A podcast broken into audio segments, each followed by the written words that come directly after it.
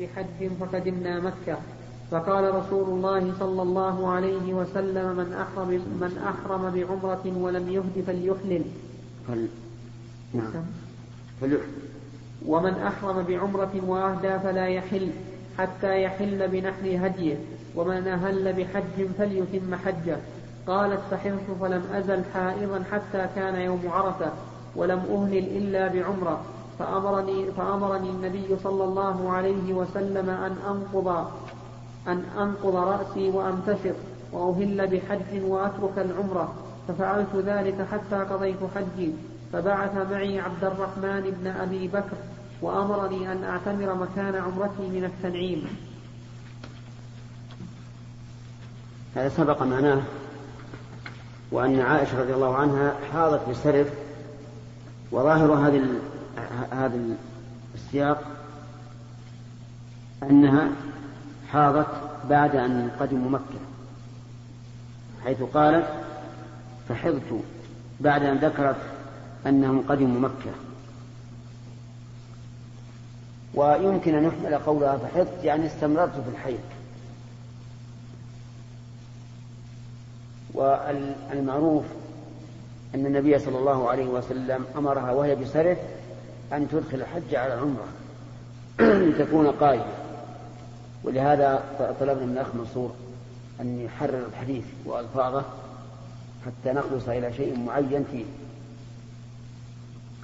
وفي هذا الحديث دليل على أن المرأة لا تسافر إلا مع إلا مع ذي محرم. لأن النبي صلى الله عليه وسلم أمر أخاها أن يعمرها من التنعيم وفيه دليل أن العمرة بعد الحج لا تشرع. لأن عبد الرحمن لم يعتمر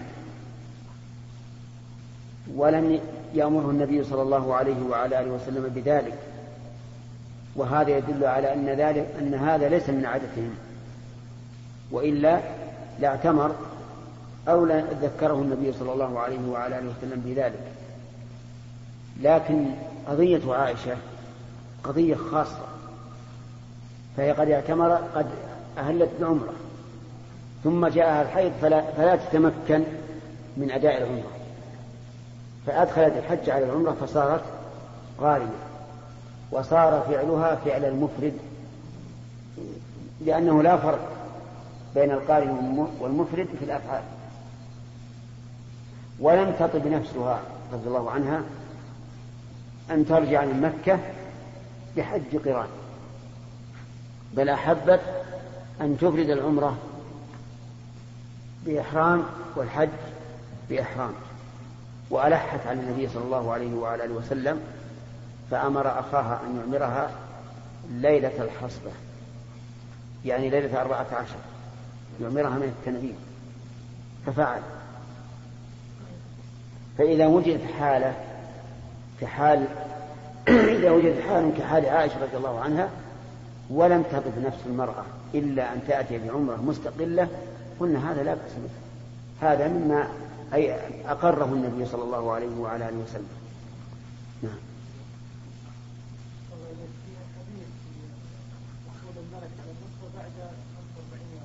نعم.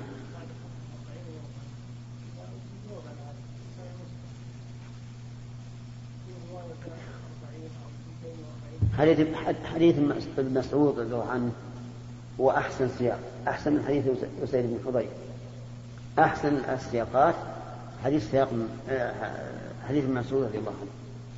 وذكر أنها أربعون أنها تكون أربعين يوما نطفة ثم علقة كذلك ثم مضغة كذلك ثم يرسل إليها الملك فينفخ في الروح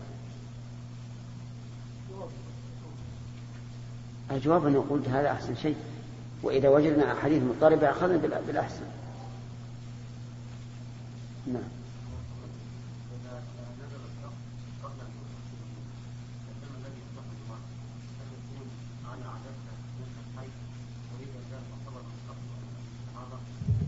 قلنا إذا كان قد تبين فيه خلق الإنسان فالدم دم نفاس.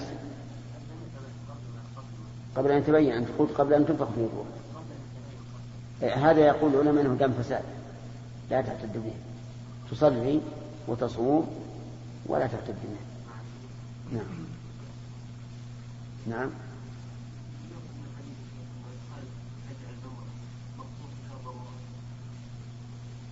نعم هو هكذا. لكنهم ذكروا أن العلماء أجمعوا على جوازه بدون ضرورة. نعم. ثلاثة؟ طيب.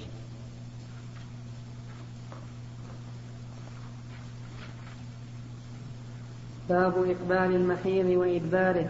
وكن نساء يبعثن إلى عائشة بالدرجة فيها القرصف فيه الصفرة فتقول لا تعجلن حتى ترين القصة البيضاء.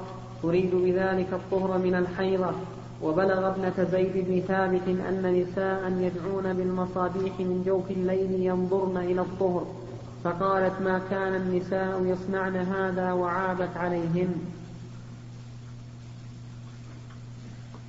نعم. قال البخاري رحمه الله باب إقبال المحيض وإدباره. المحيض ربما يكون في إقباله صفرة قبل أن ينزل الدم. وربما يكون في إدباره صفرة بعد انقطاع الدم. فهل الصفرة هذه تعتبر حيضا؟ فيها أقوال خمسة. منهم من لا يعتبرها حيضا إطلاقا ويقول لا حيض إلا الدم. لأن الله قال ويسألونك عن المحيض قل هو أذن. ولحديث أم عطية كنا لا نعد الصفرة والكدرة شيئا. وزيادة بعد الطهر هذه ليست في البخاري لكنها في أبي داود. ومنهم من قال لا تعد شيئا قبل الحيض وتعد شيئا بعده لأنها قبل الحيض سابقة ولم يثبت حكم الحيض وبعد الحيض لاحقة فتتبعه وعلى هذا يدل الأثر المروي عن عائشة رضي الله عنها وقد نوزع في صحته إليها. ومنهم من قال إن الصفرة معتبرة سواء تقدمت أو تأخرت فإنها معتبرة. فتكون حيضا سواء كانت في أول الحيض أو في آخره. وهناك قول خامس نسيته الآن. آه نعم. رابع وخامس أيضا. يعني فيها خمسة أقوال لكن هذا الذي ذكرنا أنها لا عبرة بها مطلقا وأنها حيض مطلقا والتفريق بين ما سبق الحيض وما لحقه. والحقيقة أن مسألة الصفرة والكدرة تشكل كثيرا حتى على طلبة العلم. لأن من النساء من لا ترى القصة البيضاء من يكون وقتها دائما في صفرة. ومنهم من لا ترى من, من لا ترى الصفرة إطلاقا. من حين ينقطع الدم تأتي القصة البيضاء فهي محل إشكال. أما التي لا ترى القصة البيضاء فلا شك أن نجعل حكم الحيض مقيدا بإيش؟ بالدم. لأنه لا ينقطع عنها الصفرة هذه. وأما التي تراها فمن النساء من تبقى الصفرة معها إلى خمسة عشر يوم يوما إلى عشرين يوما. وهذه أيضا لا عبرة بها. ومنها من تكون الصفرة قبل الحيض بيوم أو يومين وبعده بيوم أو يومين. فهذه نعم. هي محل الإشكال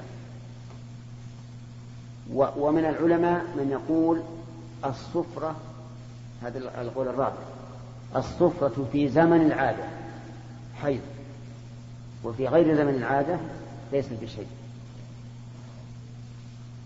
وعلى هذا القول لو أن المرأة طهرت عند تمام عادتها بالساعة واستمرت الصفرة معها فليست الصفرة بشيء لأنها في غير زمن العادة وهذا هو المشهور من المذهب كما قالوا في زاد المستقبل الصفرة في زمن العادة الصفرة والكدرة في زمن العادة حيض لا بعدها ولو تكرر. والله أعلم. يقول قلت إن بول الحيوانات التي تؤكل غير نجسة ثم قلت بول الحيوانات التي لا تؤكل نجسة. مثل بول الآدمي فهل هل فما مدى صحة العبارة؟ وما حكم من يصنف الإنسان أنه من مملكة الحيوانات من طائفة الثدييات؟ وكيف يمكن الرد عليه يقولون إن الحيوان كل ما فيه حياة. كل ما فيه حياة حياة فإنه يسمى حيوانا ولهذا قالوا في تعريف الإنسان إنه حيوان ناطق لكن لا تقول هذا للعام. لو قلت للعام أنت حيوان ناطق فإنه سوف يكون بينك وبينه مشكلة. وكل شيء يؤدي إلى إشكال لا, لا تفعل. فالمهم أن كل حيوان لا يؤكل ومنه الآدمي. فإن فإن بوله نجس.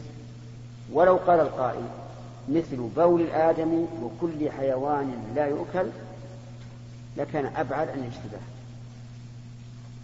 فإذا كانت عبارة على هذه الصفة صارت أبعد. أبعد من الاشتباه وإلا فالعبارة سليمة على حسب ما قاله العلماء. نعم.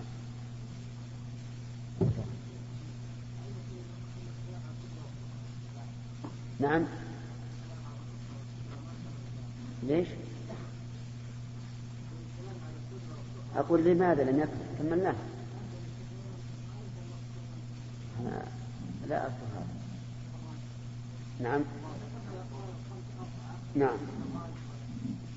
لا ذكرنا القول بأنه بأنه لا عبرة بالكثر والصفرة لا في لا السابقة للحي ولا اللاحقة. قلنا إن هذا قول يحصل به الراحة. ويوافق حديث عطية كنا لا نعد الصفرة والصفرة شيئا بدون القيد بعد الطهر. هذا هذا قول للظاهرية وهو قول قوي أن نجعل العبرة بالدم والصفرة والكثرة ليست بشيء. هذا يحصل به أيضا راحة للناس. لأن وذكرت لكم أمس أن من النساء من لا تنفك عنها الصفرة تبقى الصفرة من الحيضة إلى الحيضة. وبعض الناس تطول صفرتها تبقى يومين ثلاثة أربعة بعد الطهر وأظن عندي منصور ها؟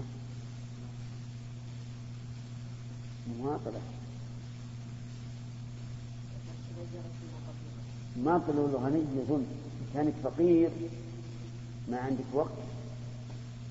هذا لا كان عندك وقت فلا نقبل منك المماطلة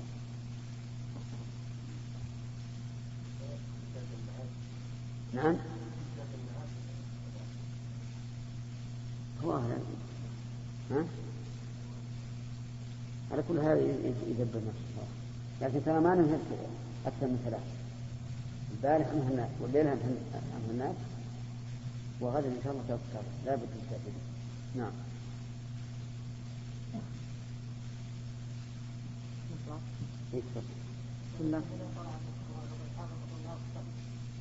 نقول تصلي حتى يأتي الدم.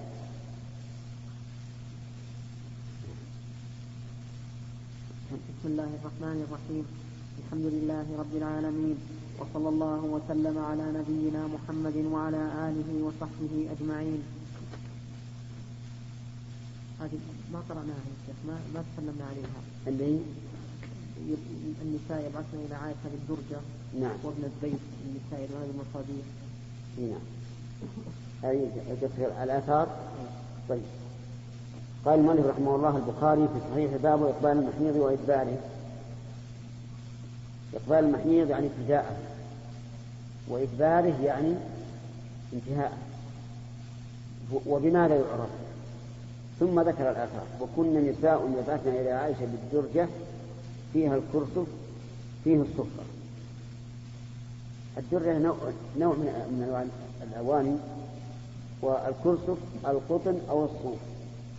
فيه الصفرة يعني كأن المرأة تمسح به فرجها.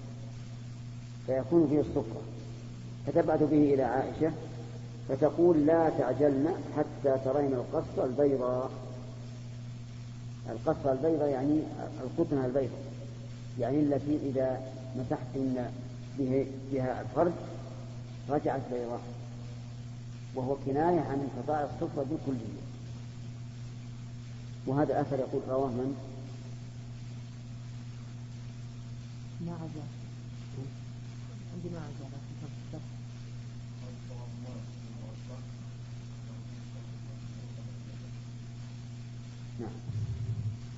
كلام الشيخ إيه اقرأ من أول؟ بسم الله الرحمن الرحيم. من أول باب. الحمد لله. قال الحافظ ابن حجر رحمه الله تعالى نفس الباري قوله باب إقبال المحيض وإدباره. اتفق العلماء على أن إقبال المحيض يعرف بالدفعة من الدم في وقت إمكان الحيض واختلفوا في إدباره فقيل يعرف بالجفوف وهو أن يخرج ما يختشى به جافا وقيل بالقصة البيضاء وإليه ميل المصنف وإليه ميل المصنف كما سنوضحه قوله وكنا هو بصيغة جمع مؤنث ونساء بالرفع وهو بدل من الضمير نحو أكلوني البراغيث والتنكير في نساء للتنويع أي كان ذلك من نوع من النساء لا من كلهن.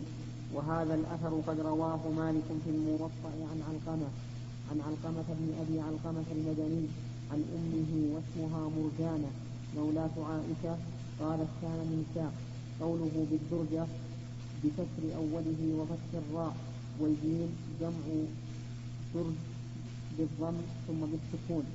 قال ابن بطال كذا يرويه أصحاب الحديث وضبطه ابن عبد البر في الموطأ بالضم ثم السكون.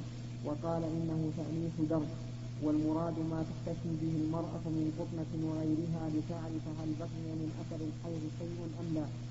قوله القرص بضم الكاف والسين المهملة بينهما راء ساكنة هو القطن. قوله فيه الصفرة زاد مالك من بني الحيضة. قوله فتقول أي عائشة والقصة بفتح القاف وتسديد المهملة هي النورة أو النورة. أي حتى تخرج القطنة بيضاء نقية لا يخالطها صفرة. وفيه دلالة على أن الصفرة والخدرة في أيام الحيض حيض وأما في غيرها فسيأتي الكلام على ذلك في باب مفرد إن شاء الله تعالى. وفيه أن القصة البيضاء علامة لانتهاء الحيض ويتبين بها ابتداء الصفر واعترض على من ذهب إلى أنه يعرف بالجفوف بأن القطنة قد تخرج جافة في أثناء الأمر فلا يدل ذلك على انقطاع الحيض. بخلاف القصة وهي ماء أبيض يدفعه الرحم عند انقطاع الحيض. قال مالك سألت النساء عنه فإذا هو أمر قال مالك سألت النساء عنه فإذا, فإذا هو أمر معلوم عندهن يعرفنه عند الطهر. قوله وبلغ ابنة زيد بن ثابت كذا وقعت مبهمة هنا. وكذا في الموطأ حيث روى هذا الأثر عن عبد الله بن أبي بكر بن عن عبد الله بن أبي بكر أي ابن محمد بن عمرو بن حزم عن عمته عنها. وقد ذكروا لزيد بن ثابت من البنات حسنة وعمرة وأم كلثوم وغيرهن ولم أر لواحدة منهن رواية إلا لأم كلثوم. وكانت زوج سالم بن عبد الله بن عمر فكأنها هي المبهمة هنا.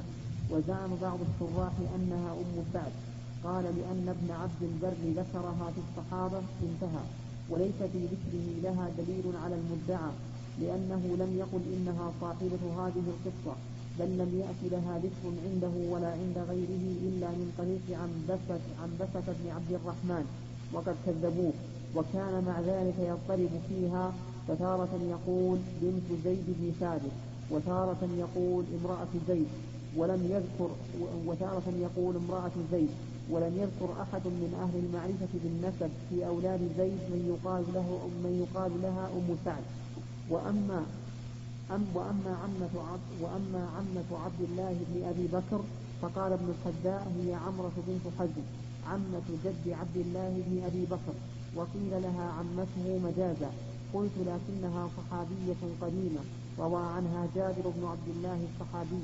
ففي روايتها عن بنت زيد بن ثابت البعد فإن كانت ثابتة فرواية عبد الله عنها منقطعة لأنه لم يدركها ويحتمل أن تكون المرادة عمته ويحتمل أن تكون المرادة عمته الحقيقية وهي أم عمرو أو أم أو وهي أم عمرو أو أم كلثوم والله أعلم. قوله يدعون أي يطلبن وفي رواية الخشميهني يدعين. وقد تقدم مثلها في باب فقر الحائض المناسك كلها. فقر الحائض المناسك كلها. وقال صاحب القاموس دعيت لغة في دعوت ولم ينبه على ذلك صاحب المشارق ولا المطالع. قوله إلى الطهر أي إلى ما يدل على الطهر. واللام في قولها ما كان النساء للعهد أي نساء الصحابة. وإنما عابت عليهن لأن ذلك يقتضي الحرج والتنطع وهو مذموم قاله ابن بطال وغيره. وقيل لكون ذلك كان في غير وقت الصلاة وهو جوف الليل وفيه نظر لأنه وقت العشاء. ويحتمل أن يكون العيب لكون الليل لا يتبين به البياض الخالص من غيره فيحسبن أنهن طهرن وليس كذلك فيصلين قبل الطهر وحديث فاطمة بنت أبي حبيب تقدم في باب الاستحاضة وسفيان في هذا الإسناد هو ابن عيينة. لأن عبد الله بن محمد وهو وهو المسندي لم يسمع من الثوري.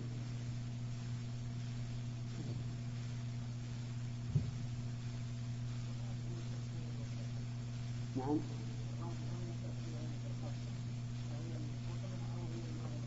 لا هي القطنة لكنها لكنها تسمى بذلك بيضاء لأن الماء أبيض لا يؤثر فيها شيء لا يؤثر فيها شيئا فتسمى القصة البيضاء. نعم. الظاهر هذا يتبع بمعنى أنه يكون علامة على الطهر ولا وليس هو القصة القصة هي القطنة. القطنة التي إذا احتشت بها أو مسحت بها فرجها رجعت بيضاء. لكن كان تحت القطنة في زمن الحي نعم. هذا هذا هذا الرد ابن حجر على قول من يقول إن انقطاع الحيض أو الطهر من الحيض هو بانقطاع الدم فقط. لا لكن هذا واقع. نعم. بعض النساء يحتسون بالقطن. نعم. وتحمل بيضا. لا بد أن يكون فيها رطوبة. فيها رطوبة لكن ليست إذا كان فيها رطوبة معناها أنها, أنها طهرت لكن إذا علمت أنها في أثناء الحيض تقطع الدم وإن هذا عادتها ما ما, ما نحكم بالطهارة حتى يمضي الوقت. نعم. نعم. كلها هيك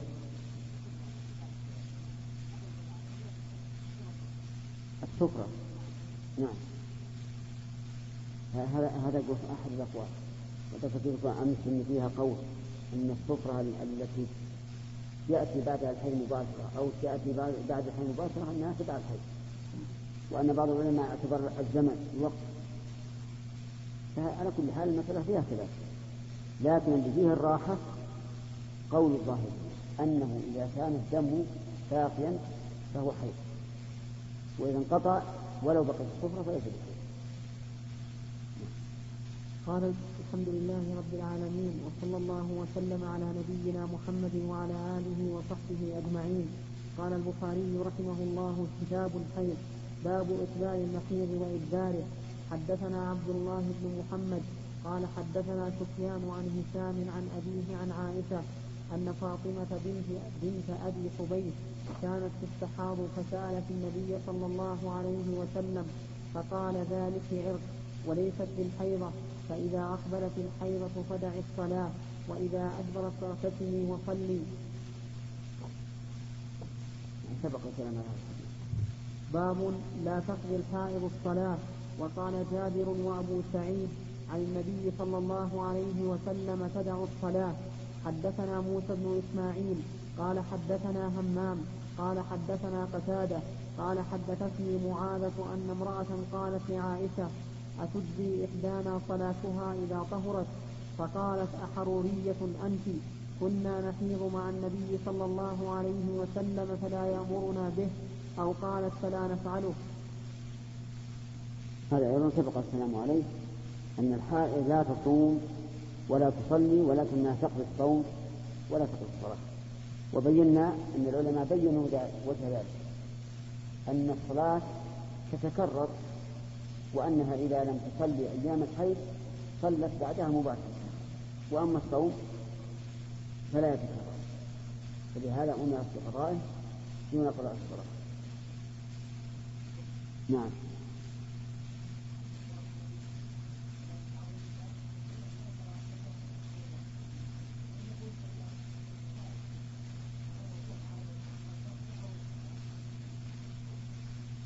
إذا كانت لا, لا إذا كانت لا ترى القصوى البيضاء فانقطاع الدم هو على مكتوب.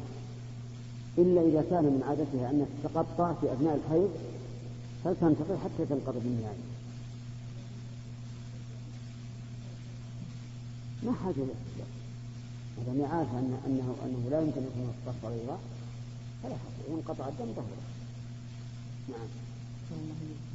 في الحديث قلنا بأن الصلاة تتكرر. نعم. هذا لم تؤمر بها. نعم. أفلا يستفيد من ذلك أن من تبين بطلان عبادته التصوف وما شابه ذلك بأنه لا يؤمر إلا بإعادة ما لا يتكرر وأما الذي يتكرر فلا يؤمر بإعادته بطلان؟ لا إذا علمنا بطلان لا بد من إعادة. لكن هذا ليست محلا للوجوب أصلا. يعني وجد فيها مانع الوجوب وهو الحي نعم. بن داود.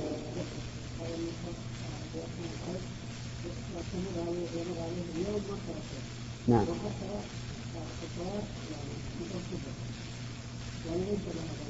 لكنه ما ما طهر هذا يتبع الحي أقول هذا يتبع الحي صحيح أنه يتبع الحي وإلا فبعض العلماء يقول من ترى يوما نقاء ويوما طهرا فإن النقاء آه نعم من ترى يوما حيضا ويوما نقاء فالنقاء طهر والدم حيض.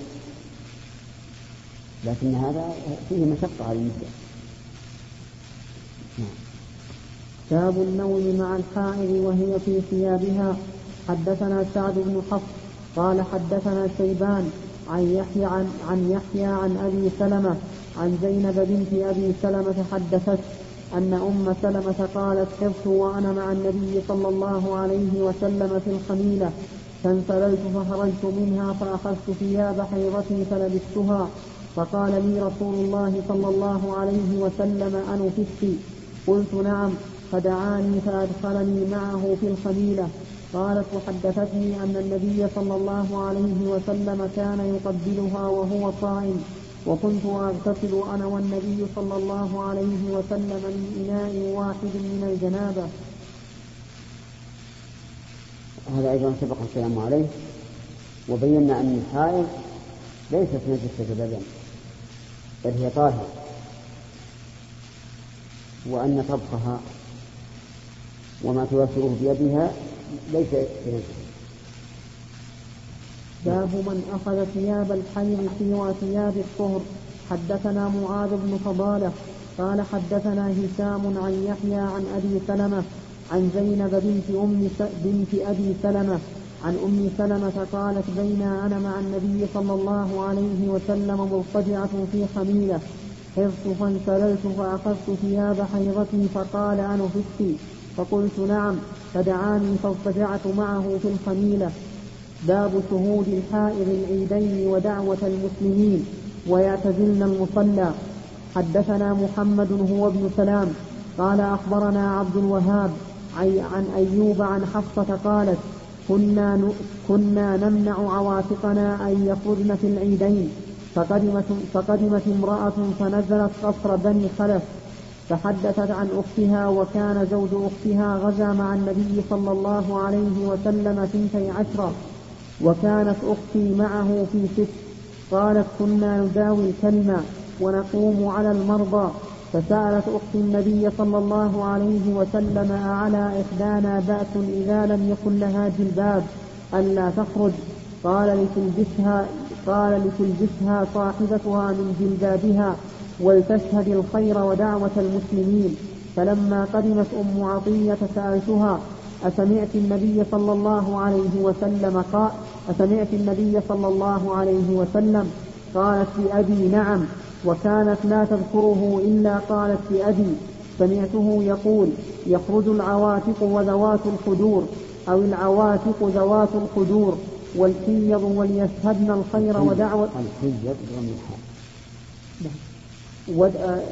يخرج العواتق وذوات الخدور أو العواتق. أو أو العواتق ذوات الخدور والحيض وليشهدن الخير ودعوة المؤمنين ويعتزل الحيض الحيض المصلى قالت حفصة فقلت الحيض الحيض فقالت أليست ألي فقالت أليس تشهد عرفة؟ وكذا وكذا. نعم. هذا الحديث فيه دليل على أن الحائض تشهد العيدين وتخرج إلى المصلى ولكن تعتزل. وفيه دليل على أن مصلى العيد حكمه حكم المساجد ولهذا أمرت الحائض باعتزاله. وإثبات حكم المسجد له يدل على أنه مسجد وإلا لما ثبت له أحكام المسجد.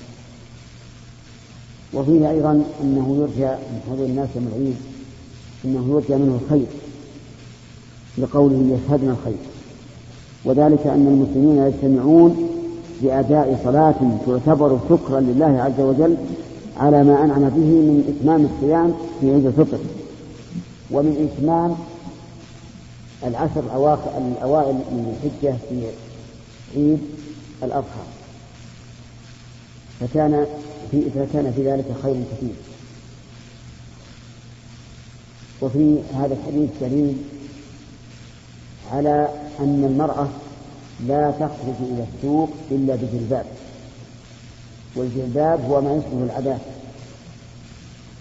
حتى إنه إنه استأذن النبي صلى الله عليه وعلى آله وسلم هل عليها بأس ألا تخرج إذا لم يكن لها جلباب؟ فقال لتلبسها صاحبتها من جلبابها. فمنع النبي صلى الله عليه وعلى آله وسلم أن تخرج المرأة ولو للضرورة بدون جلباب. لأنه لما أمر بخروج النساء استشكلت النساء هذه الحال. إذا لم يكن لها جلباب فأمر أن تستعير من أختها ثم تخرج به نعم.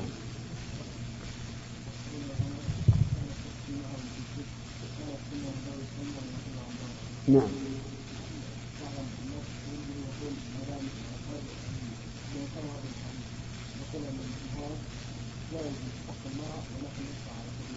نعم. هو لا شك أن المرأة إذا احتيج إليها في الجهاد أنها تخرج لكنها لا تباشر القتال. إنما تداوي المر... يعني تمرض المرضى وتداوي تلمى الجرحى وما أشبه ذلك. نعم. كيف؟ لا مطلق يعني هذا حاجة. نعم.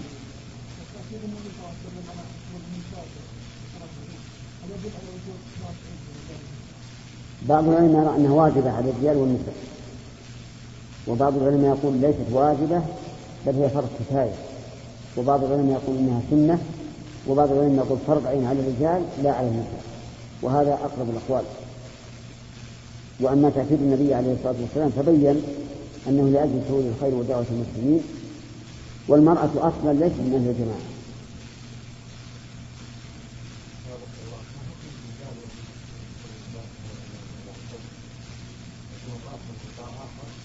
هذا يسمونه من الكاب الكاب أو الجلباب الكاب هذا لا شك أنه أقل سترا من العباءة الأولى التي تكون على الرأس.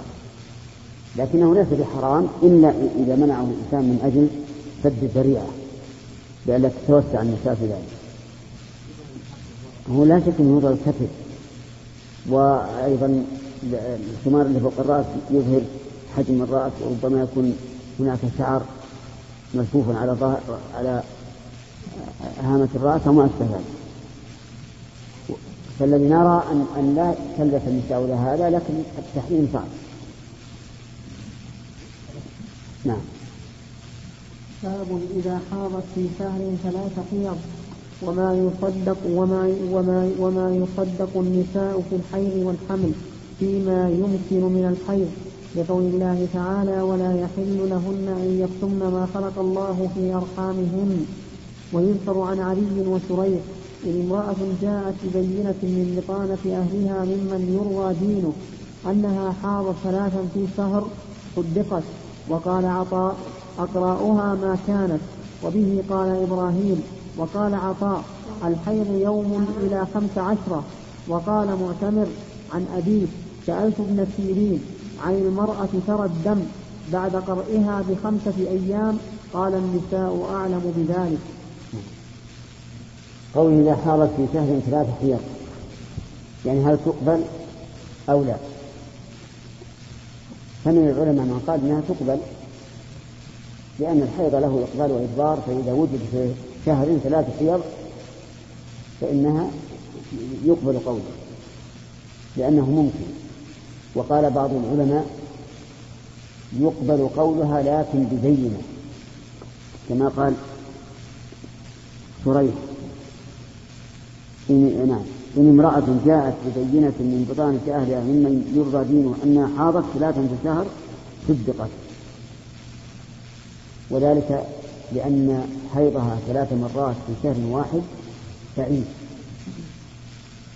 فتحتاج دعواها إلى بينة أما لو كانت ادعت أنها حاضت ثلاث حيض في زمن غالب فإنه يقبل قولها ولا حاجة إلى طلب البينة منها.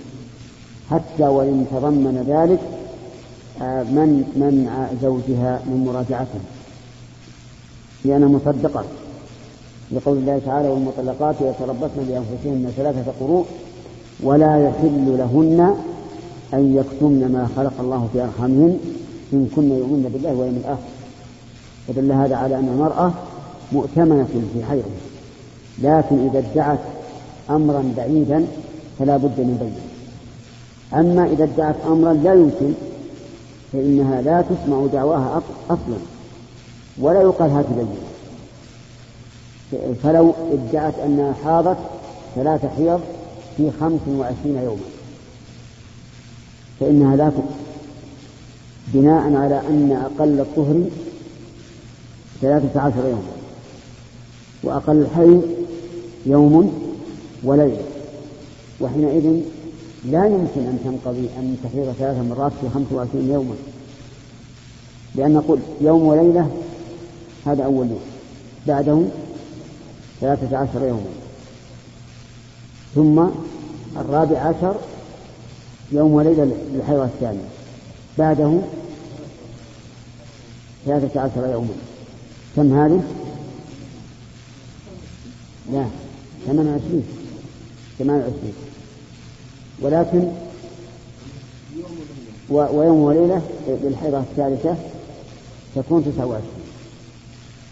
فإذا إذا جاءت بزينة تشهد أنها انقضت عدتها في شهر قبلناها في أقل من ذلك لا يمكن.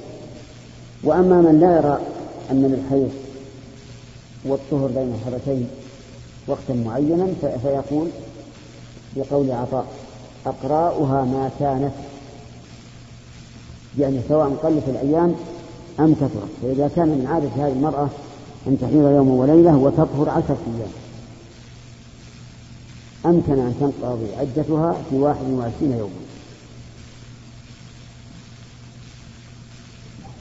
نعم نعم.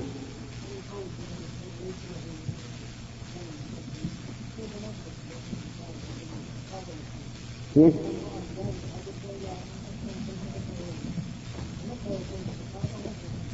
يقول إذا زاد على خمسة عشر يوما نظرنا إن كان مضطردا فهو حيض.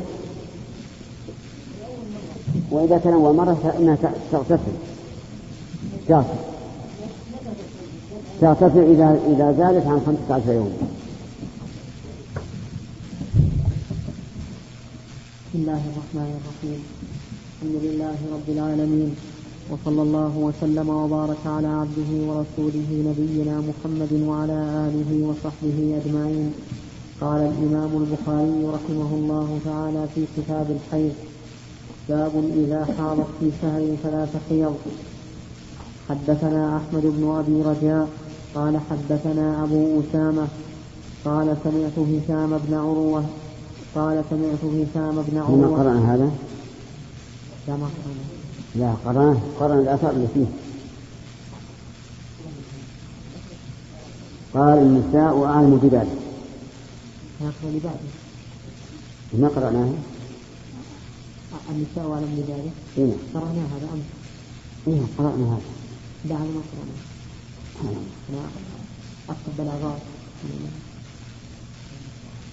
نعم. يمكن نعم.